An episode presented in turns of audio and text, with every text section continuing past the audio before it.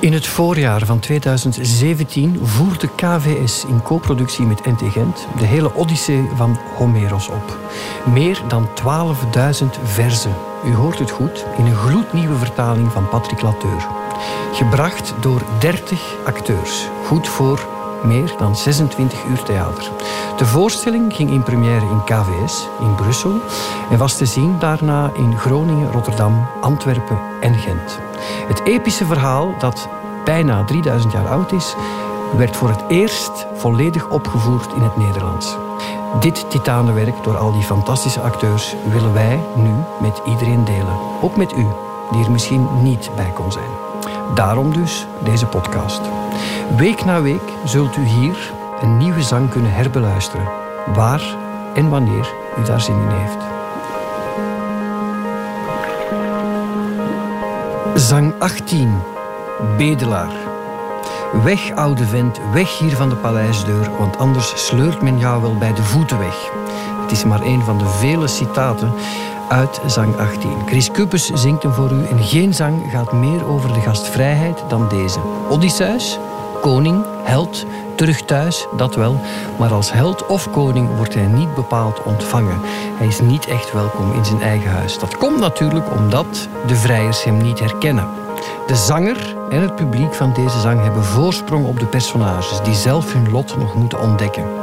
Het is een geniale verteltruc. Alleen Odysseus en Telemachos weten meer in deze zang.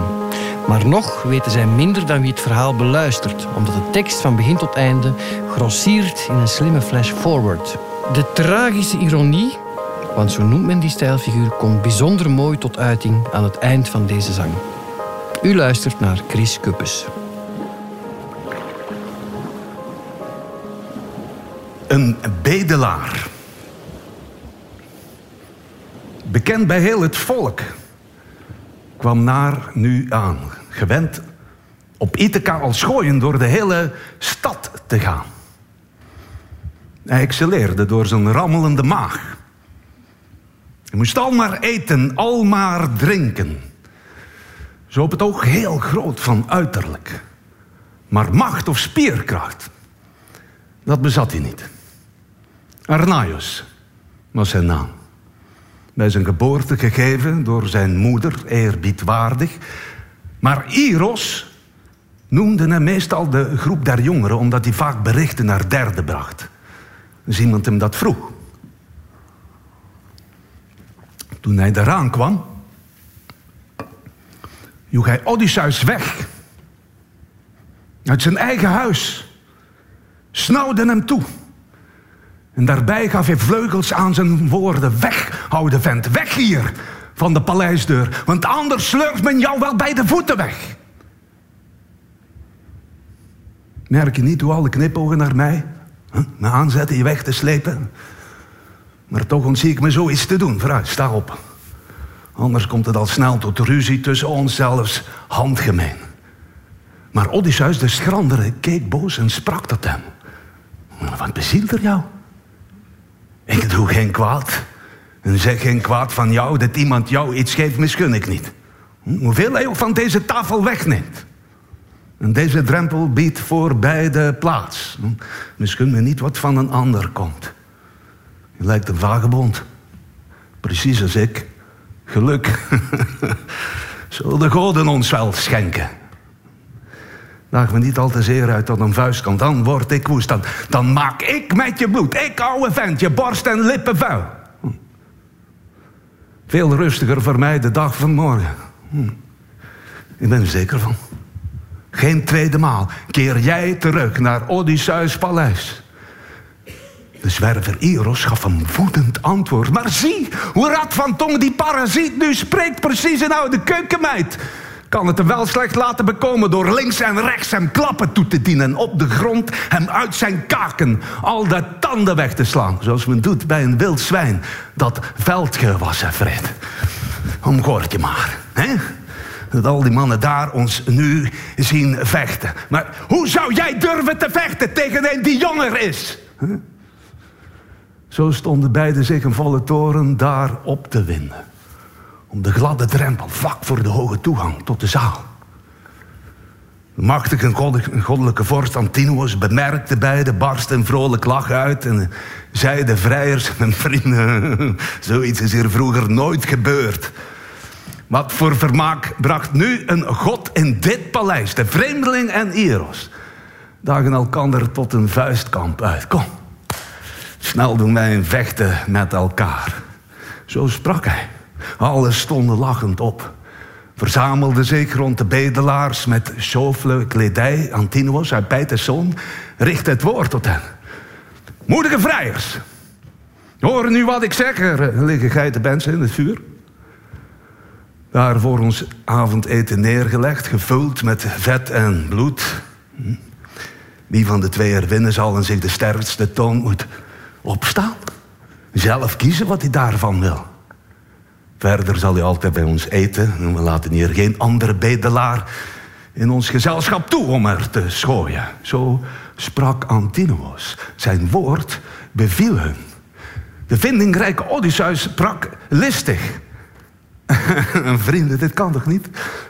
Een oude man, verzwakt door ongeluk, die vechten moet tegen een jonge man. Eh, mijn, mijn boze maag spoort me wel aan de slagen te trotseren. Maar eh, goed, verzeker hem nu allemaal onder een zware eed. Niet één, niet één, niet één zal Eros een slag doen slaan, zodat ik me moet onderwerpen aan die kerel. Zo sprak hij en ze zwoeren dadelijk wat hij had gevraagd. En toen ze gezworen hadden en alle eden uitgesproken, sprak in hun kring met wonderlijke kracht Telemachos. Mm. Indien je dapper hart, eh, je moet jouw aanspoor tegen deze man je te verzetten, vreemdeling. Vreest niemand ter andere Achaiers wie jouw slaat zal moeten vechten met wie sterker zijn. De, de, de, gastheer, ben ik. De, de vorsten zijn het beide met mij eens. Antinos, Eurimachos, die zijn verstandig. Zo sprak hij. En alles stemde met hem in. En Odysseus omgorde toen met lompen zijn schaamte. Toonde zo zijn stevige en knappe dijen. Ook zijn brede schouders waren te zien, zijn borst, en sterke armen. Dicht bij de hoeder van het volk kwam nu Athena staan. Zij gaf zijn leden kracht. De vrijers stonden allerhoogst verwonderd. Alle keek naar zijn buur en zei tot hem: Die Eros is weldra geen Eros meer. zie eens wat voor dijen toch die oude verschijnen doet van onder al die lompen. Zo spraken zij. En Eros voelde zich van binnen week en bang maar niettemin omgorden hem de dienaars met geweld en duwden de bevreesde Eros voort. Rondom zijn leden bibberde het vlees. Antinoos voer uit en riep hem toe: Jij snoever! Jij was beter dood dan niet geboren als je beet voor deze man. Hem zo geweldig vreesde, een oude vent, verzwakt door ongeluk dat hem zo trof. Maar ik verklaar je klaar en duidelijk, ja, zo zal het geschieden. Wint die man, en toont hij zich de sterkste, dan zal ik jou werpen in een donker schip. Dan stuur ik jou naar het vaste land. Naar Egetos, een vorst die stervelingen steeds verminkt. Met onmeedogen bron snijdt hij je neus en oren af. Je schaamdelen rukt uit. en dan geeft zelfs rauw voer aan honden. Zo sprak hij. En daardoor bevingen beven zijn leden nu nog meer. De dienaars brachten hem naar het midden. Beiden hielden hoog de handen. En Odysseus, de onversaagde, de goddelijke, aarzelde van binnen. Of hij zo uit zou halen dat hij viel en hij ter plaatse nog een leven liet, of dat hij Iris op de grond zou werpen door hem alleen een lichte klap te geven. Zo dacht hij bij zichzelf. Het, dit leek hem het beste. En licht te treffen. Om zo te vermijden dat de Achaiërs hem zouden herkennen. Ze hielden dus de handen hoog. Ja.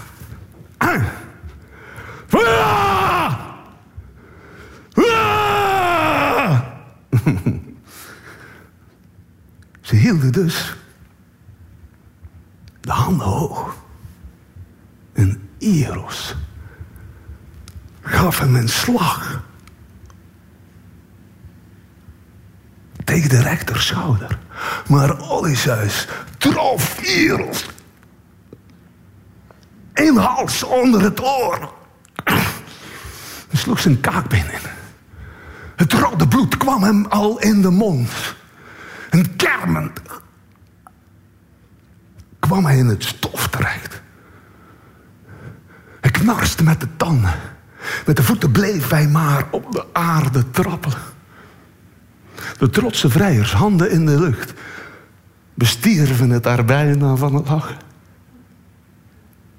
Maar Odysseus nam Eros bij de voet en sleurde hem naar buiten. Door de deur totdat hij in de voor- of bij de poort kwam van de zuilengang.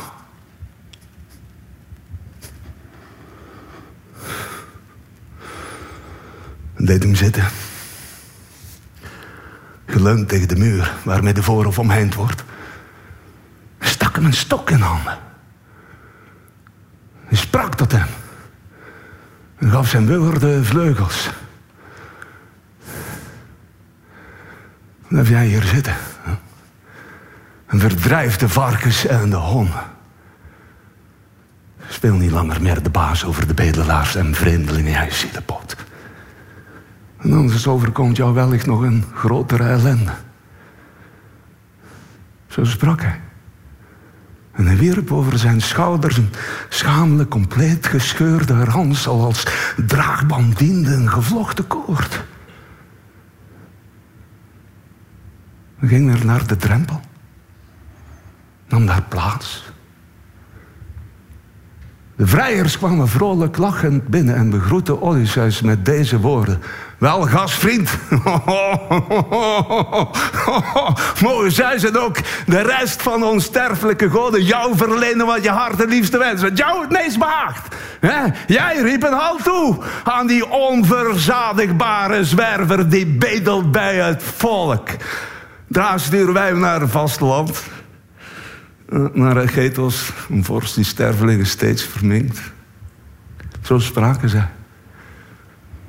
En om dit omen was de goddelijke Odysseus vreugd. Antinous. Antinous had een grote pens. Gevuld met wet en bloed. Voor Odysseus. Amphinomus nam uit de korf twee broden. Hij legde ze ernaast. Bracht toen een heildronk uit met een gouden beker. En hij sprak. Een groetje, waarde gastvriend. Het geluk mag in de toekomst komen over jou. Want nu word jij gekweld door veel ellende. En Odysseus de schrander gaf hem als antwoord: Echt? U lijkt me wel verstandig, Amphinomus, want zo was ook uw vader. Ik, ik hoorde van zijn grote roem. Vorst Nisos was rijk en dapper in Doligion. Hè? U zegt dat u zijn zoon bent. U lijkt me een vriendelijk man. Daarom zei ik je dit. Let u dus op mijn woord en luister.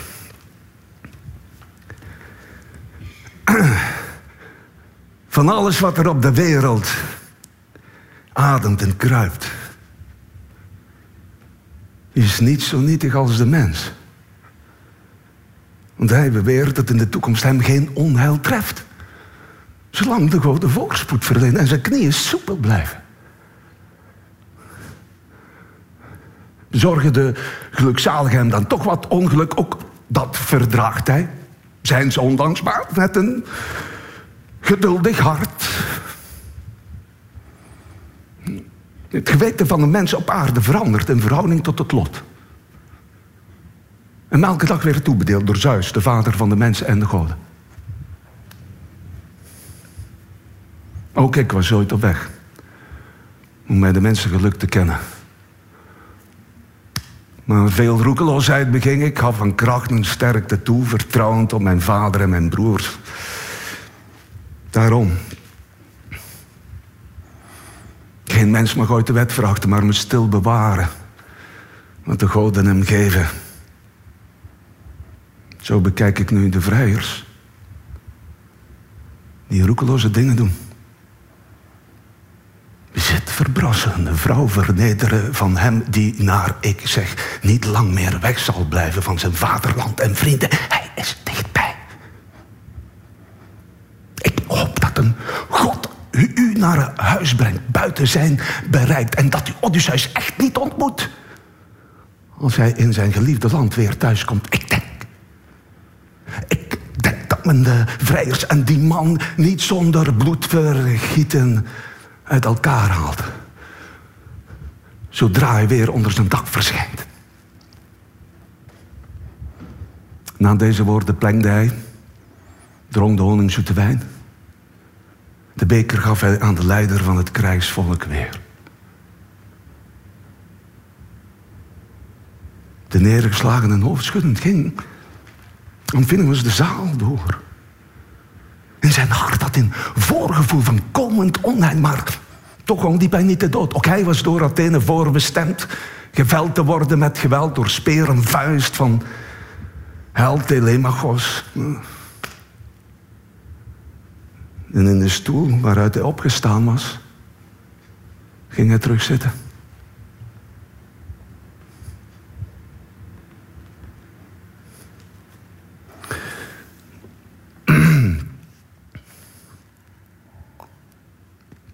En de godin, met fonkelende ogen, Athena,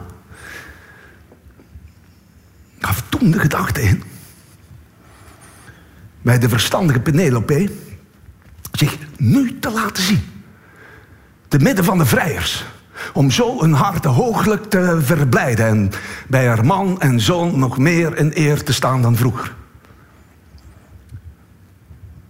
Met gedwongen lach nam zij het woord. En zei wat in haar omging.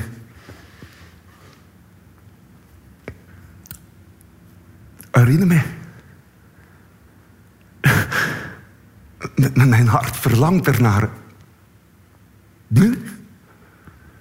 Voor het eerst in de kring der vrijers te laten zien. Al ik hem ten zeerste. Ik, ik, ik wil iets zeggen. Aan mijn zoon. Een, een, een, een woord dat hem van nut kan zijn. Hij mag niet enkel verkeren met die arrogante vrijers. Mooi prater. Stiekem broeder zij op kwaad. De huishoudster Eurydice zei haar... Jawel, dat alles zei je naar behoor, mijn kind. Vooruit, spreek ronduit tegen uw zoon. Maar was uw lichaam eerst en zalf uw wangen. Met heel uw aangezicht nog nat van tranen kunt u niet gaan. Het is niet goed. Altijd te treuren, zonder ophouden. Uw zoon is nu volwassen. En voor hem hebt u zo vuur de onsterfelijke gebeden dat je hem mag zien als man met baard. Haar antwoordde de zeer verstandige Penelope. Herinner mij, nee. Raad me toch niet aan, al ben je zo bezorgd met nu te vassen. En met olie mij te zalven. Want de goden die verblijven op de Olympus namen al mijn schoonheid weg sinds mijn man vertrok op holle schepen. Hippodameia en Autonoe stuur jij naar mij. Om het te vergezellen tot in de mannenzaal. Alleen begeef ik me niet onder mannen. Schroom weerhoudt me. Zo sprak zij. En de oude vrouw verliet de kamer om de vrouwen te berichten. En om hen aan te sporen. Snel te komen. Maar toen bedacht Athena, de godin met de fonkelende ogen, weer iets nieuws. Over de dochter van Icarius schoot zij een zoete slaap. Penelope sliep achteroverleund in haar stoel. Ter plekke werden al haar leden slap. De stralende ondergodinne schonk haar intussen de onsterfelijke gaven. Met huidzalf reinigde zij eerst haar lieflijk gelaat, een goddelijke zalf, waarmee ook de godin met de mooie diadeem die op Kiterenhuis zich altijd invrijft, als zij op weg gaat naar de lieflijke dans van de Charitas. Ze maakt haar ook groter en nog sterker om te zien. Ze maakt haar nog witter dan die voor het pas gezaagd is. En toen het dames vertrok de stralende ondergodinnen. De dienaressen met de blanke armen kwamen al pratend uit de vrouwenzaal. De zoete slaap verliet Penelope, die zich in de wangen wreef en daarbij zei... Een, een zachte sluimer overdekte me. In al mijn leed mocht mijn zoon een zachte dode kuise Artemis terstond verlenen. Nou, met droefheid in het hart zal ik mijn leven dan niet meer verder doen verkwijnen. Vol verlangen naar mijn lieve echtgenoot, die tal van deugden en talenten had, waarmee hij uitstak boven de andere Achaiers. Zo sprak zij. En verliet haar schitterend vertrek daarboven en kwam naar beneden. Maar niet alleen twee dienaressen volgden. De goddelijke vrouw kwam naar de vrijers, haar fonkelende hoofddoek voor de wangen. En bij een pijler, drager van een stevig gebouwde zoldering, stond zij toen stil. Een trouwe dienares aan beide zijden. De kracht ontzonk de vrijers in de knieën, zodra hun hart ter plekke werd betoverd door passie. Vurig wenste elk het bed te delen met Penelope. Maar zij sprak tot haar lieve zoon. Telemachos.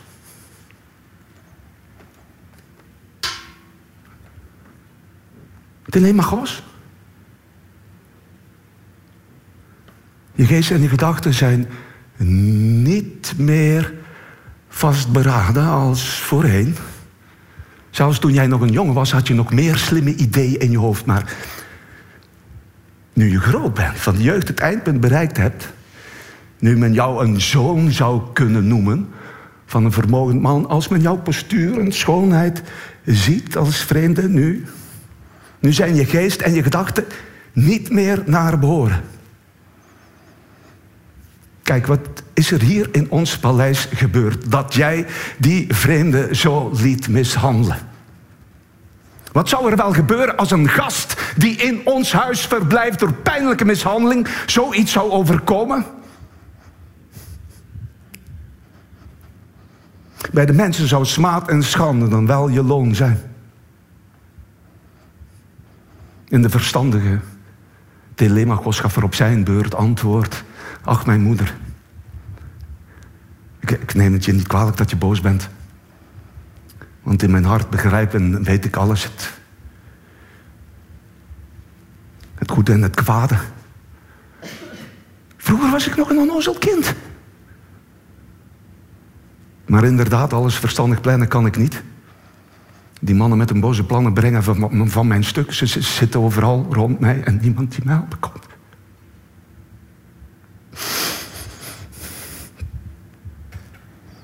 Toch is de strijd tussen de vreemdeling en Eros niet beslecht zoals de vrije uit Twente. Was de, de vreemdeling was sterker.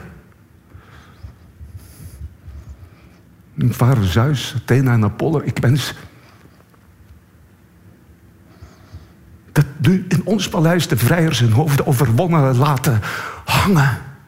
De ene in de voor- of binnenshuis, de andere. En elk met lamme leden. Zoals die Eros nu bij de paleisdeur, daar, neerzit, met een hangend hoofd, precies een dronkaard. Niet in staat is op zijn benen te staan en niet terug naar huis kan keren. Waar hij ook woont. Zijn leden zijn verlamd. Terwijl zij daar zo met elkaar stonden te spreken, nam Eurimachos het woord. Vorstin, verstandige Penelope, uw dochter van Icarius.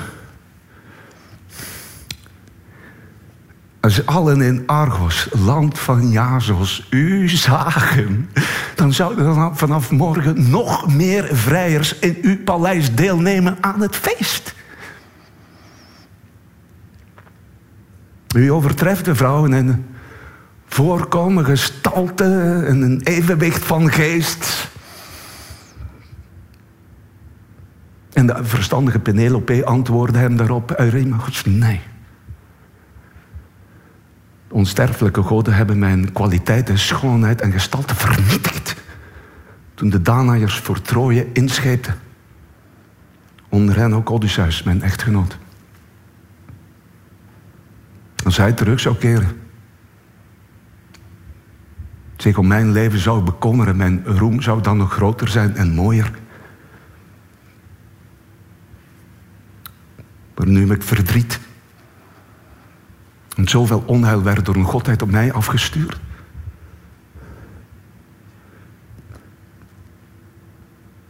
Toen hij zijn vaderland verliet, nam hij mijn rechterhand vast bij de pols. En zei, vrouw, ik weet niet of alle Achaiërs met sterke scheenplaat ongedeerd en wel uit Troje weer een thuis zullen bereiken. Men zegt dat Trojers felle strijders zijn. Bedreven met de werpswies en de boog. En in het midden van de snelvoetpaarden die uiterst vlug de grote strijd beslechten en oorlogen waar niemand gespaard wordt. En ik weet dus niet of de God mij thuis brengt of dat ik in Troje word gedood. Zodoende moet jij hier voor alles zorgen. Zorg voor mijn vader en mijn moeder. Hier, in huis als je nu ook doet. Of zelfs nog meer, omdat ik ver van hier zal zijn.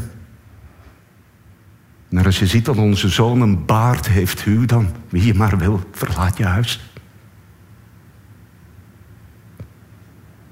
Zo was zijn woord.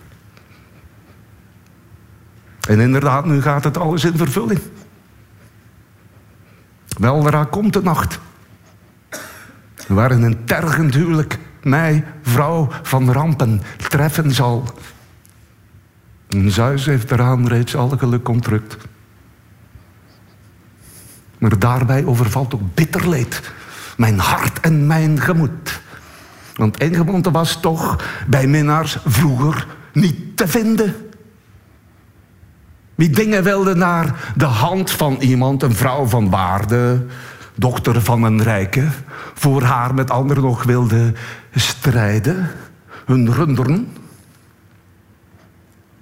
hun runderen en forse schapen brachten ze zelf mee. Voor de vrienden van het meisje als feestmaal gaven prachtige geschenken. Wat ze niet deden, eigendom van derden, zomaar verbrassen, zonder een vergoeding. Zo sprak zij. En de niet verzagende en fiere Odysseus verheugde zich, omdat zij hun geschenken wou ontlokken. Hun hart betoverde door vleierij, terwijl haar geest iets anders op het oog had.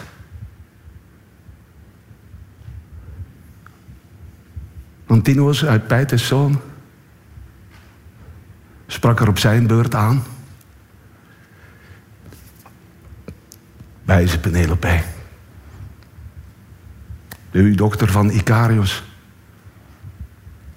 Neem aan, wat ook maar een van de Achaiërs hier zal wensen mee te brengen aan geschenken. Het is niet mooi een gave af te wijzen. Hm? Naar Anzakers of naar elders gaan wij niet terug.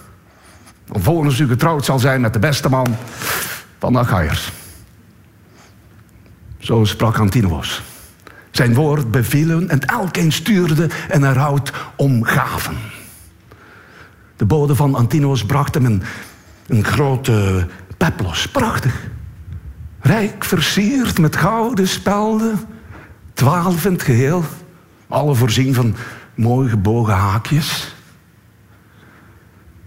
De bode van Eurymachos bracht hem onmiddellijk een gouden halssnoer. Kunstig vervaardigd. Met aaneengeregen barrensteen, een glans. Van de zon. Dienaars brachten Euridamas twee oorbellen versierd met pareltjes als bessen in een tros van drie die veel bevalligheid uitstraalden. Uit het verblijf van vorst Pijsandros, eh, zoon van vorst Polyctor, bracht een hem een, een halsketting. Een prachtstuk, schetterend. Zo bracht een ieder der Achaiers telkens een ander mooi geschenk mee. En daarna ging de schitterende vrouw weer naar haar kamer. Naar boven. En haar dienaressen volgden. De prachtige geschenken in hun handen.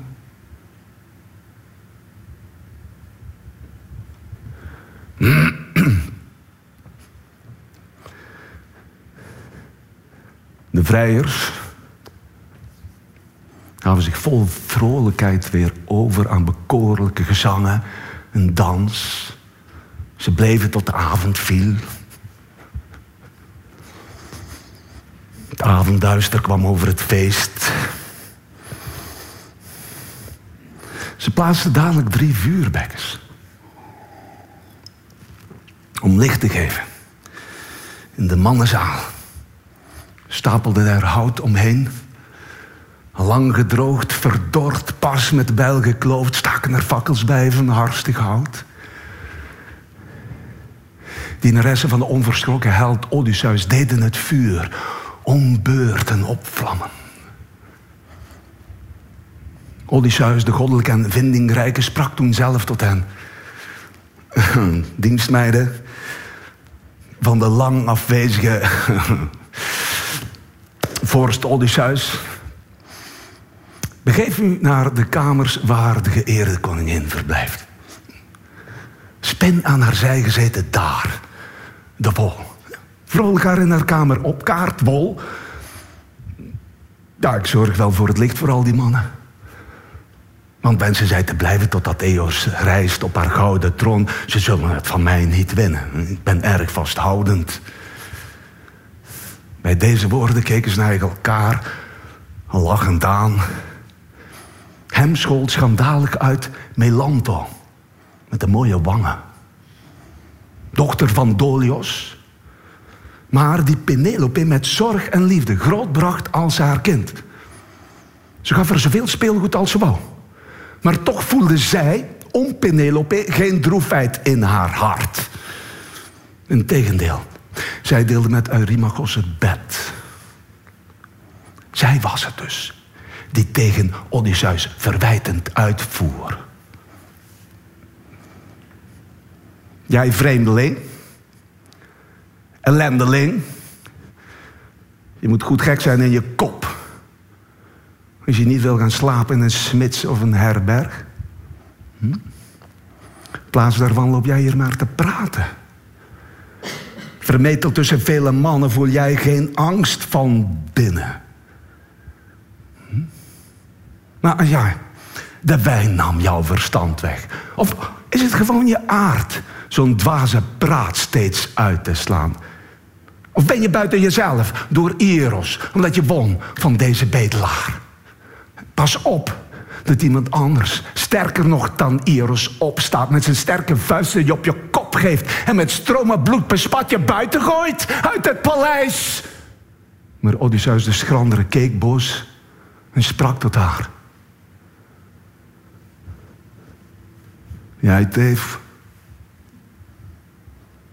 Ik ga terstond Telemachos vertellen wat jij zegt. Dat hij ter plekke jou in stukken hakt.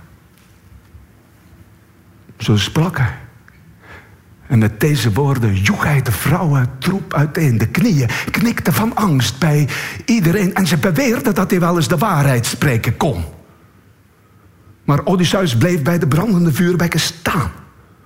Om licht te blijven geven. Hij keek hen allen aan. Terwijl zijn hart van binnen met andere gedachten zat. Onvervuld bleven ze niet. Athena liet nog helemaal niet toe dat die verwaten vrijers ophielden met smaad en hoon.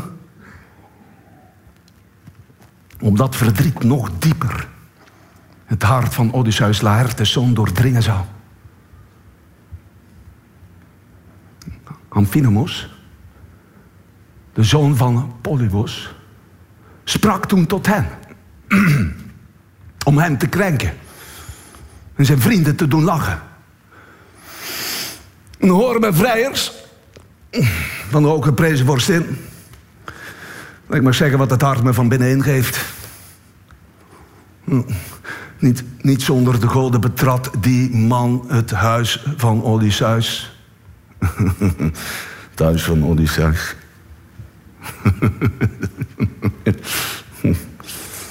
ja, ik vind in elk geval dat er van hem een fakkelglans uitgaat, ook van zijn hoofd. Want haar heeft hij niet. Nee, zelfs niet één.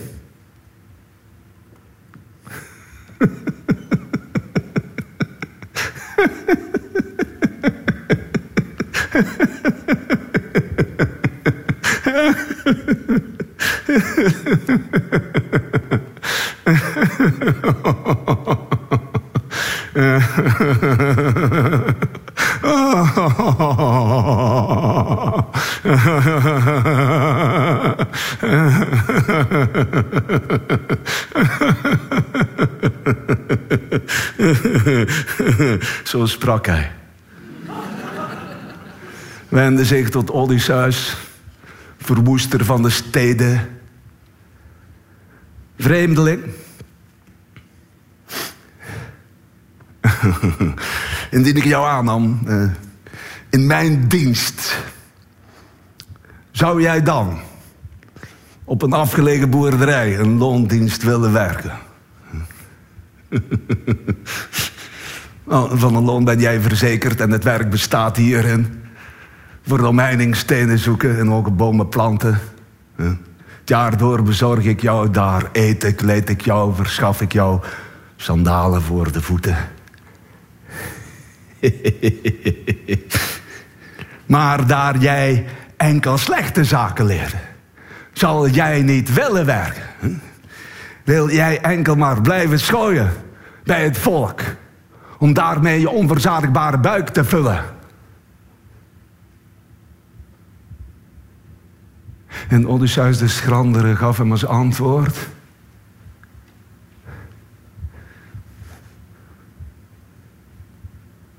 Ach, Rimachos. Ik wou dat in de lente, als de dagen lang zijn, we beiden in een wedstrijd in het werken ons eens zouden gaan meten in het gras. Ik met een mooi gebogen sikkel, jij met net zo één. Het gras in overvloed tot het pikdonker is. zonder eten, om ons in arbeid goed te kunnen testen. Ofwel dat wij twee ossen moeten drijven. De beste die er zijn. Roodbruin. Grote. Stevig met gras gevoederd. Gelijk in jaren. Trekkracht. Onuitputtelijk van krachten. Een vier morgen groot het veld. Waarin de aardkluit voor de ploeg moet wijken. Dan zou je zien of ik in staat ben voor te trekken. Doorlopend tot op het eind. Of anders wou ik wel dat Kronos zoon van het even waar een oorlog bracht. Vandaag nog, maar dan wil ik wel een schild.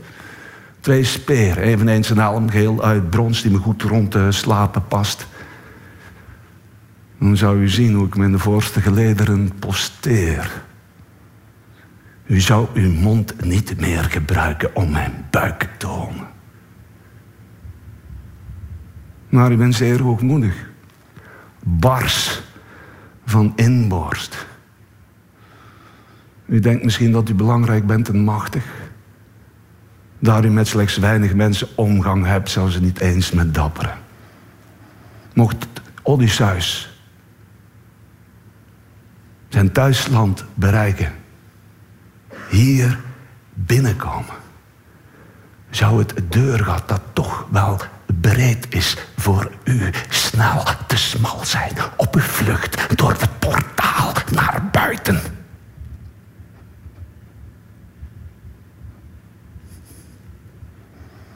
Zo sprak hij. Maar Eurymachos werd nu nog woedender van binnen. Hij keek boos, gaf vleugels aan zijn woorden en zei ellendeling.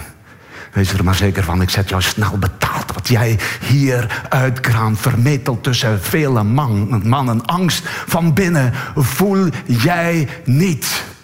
Angst van binnen voel jij niet. Maar ach ja, de wijn nam jouw verstand weg. Of is het gewoon je aard zo'n dwaze praat steeds uit te slaan? Of ben je nu buiten jezelf door Eros, omdat je won van deze bedelaar? Na deze woorden greep hij naar een voetbank. Maar Odysseus ging zitten bij de knieën van de Dolichier, Amphinomus, bang voor Eurymachos. Zo trof hij nu de wijnschenker tegen zijn rechterhand. De kan viel met gekletter. Op de grond zelf viel hij achterover in het stof.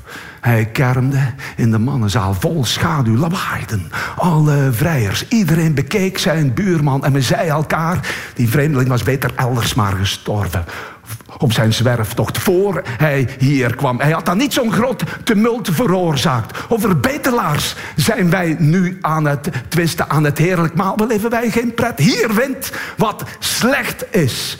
Met wonderlijke kracht nam toen het woord telemachos. Ach, jullie zijn bezeten raaskallen.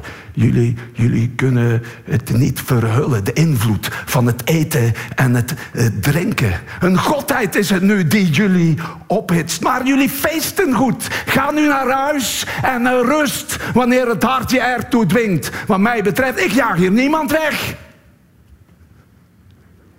Zo sprak Telemachos. En alle beten zich op de lippen uit verbijstering, omdat hij onverschrokken had gesproken. Amphinomos, glorierijke zoon van Nisos, kleinzoon van Aretias, nam in hun midden toen het woord en sprak. Mijn vrienden, om dat eerlijk woord zou niemand toch toornig zijn. Of uitvaren er tegen met agressieve taal. Doet deze gast geen kwaad. Nog een der dienaars in het huis van Odysseus, de goddelijke held. Kom aan, Laat nu de wijnschenker de bekers maar vullen en ronddelen. Om te plengen, dan kunnen wij naar huis gaan om te rusten. Nou, de, de, de vreemdeling laten we beter hier. In Odysseus paleis. Telemachos zorgt wel voor hem. Hij kwam toch naar zijn huis. Zo sprak hij. Zijn woord bevielen allen. Held Mulios Mulios, dienaar van Amphinomos, mengde hun in een krater wijn. En ging toen rond om elkeen te bedienen. Om de goden, de gelukzalige, werd er geplengd. Toen dronken zij de honingzoete wijn. En toen ze geplengd en ook naar hartelust gedronken hadden, trok iedereen weg om te gaan slapen in zijn eigen huis. Deze podcast is een samenwerking van KVS, Radio 1, uitgeverij Atheneum Pollak en Van Gennep en vertaler Patrick Lateur. In 24 afleveringen hoor je hier de volledige Odyssee van Homeros, waar en wanneer jij dat wil.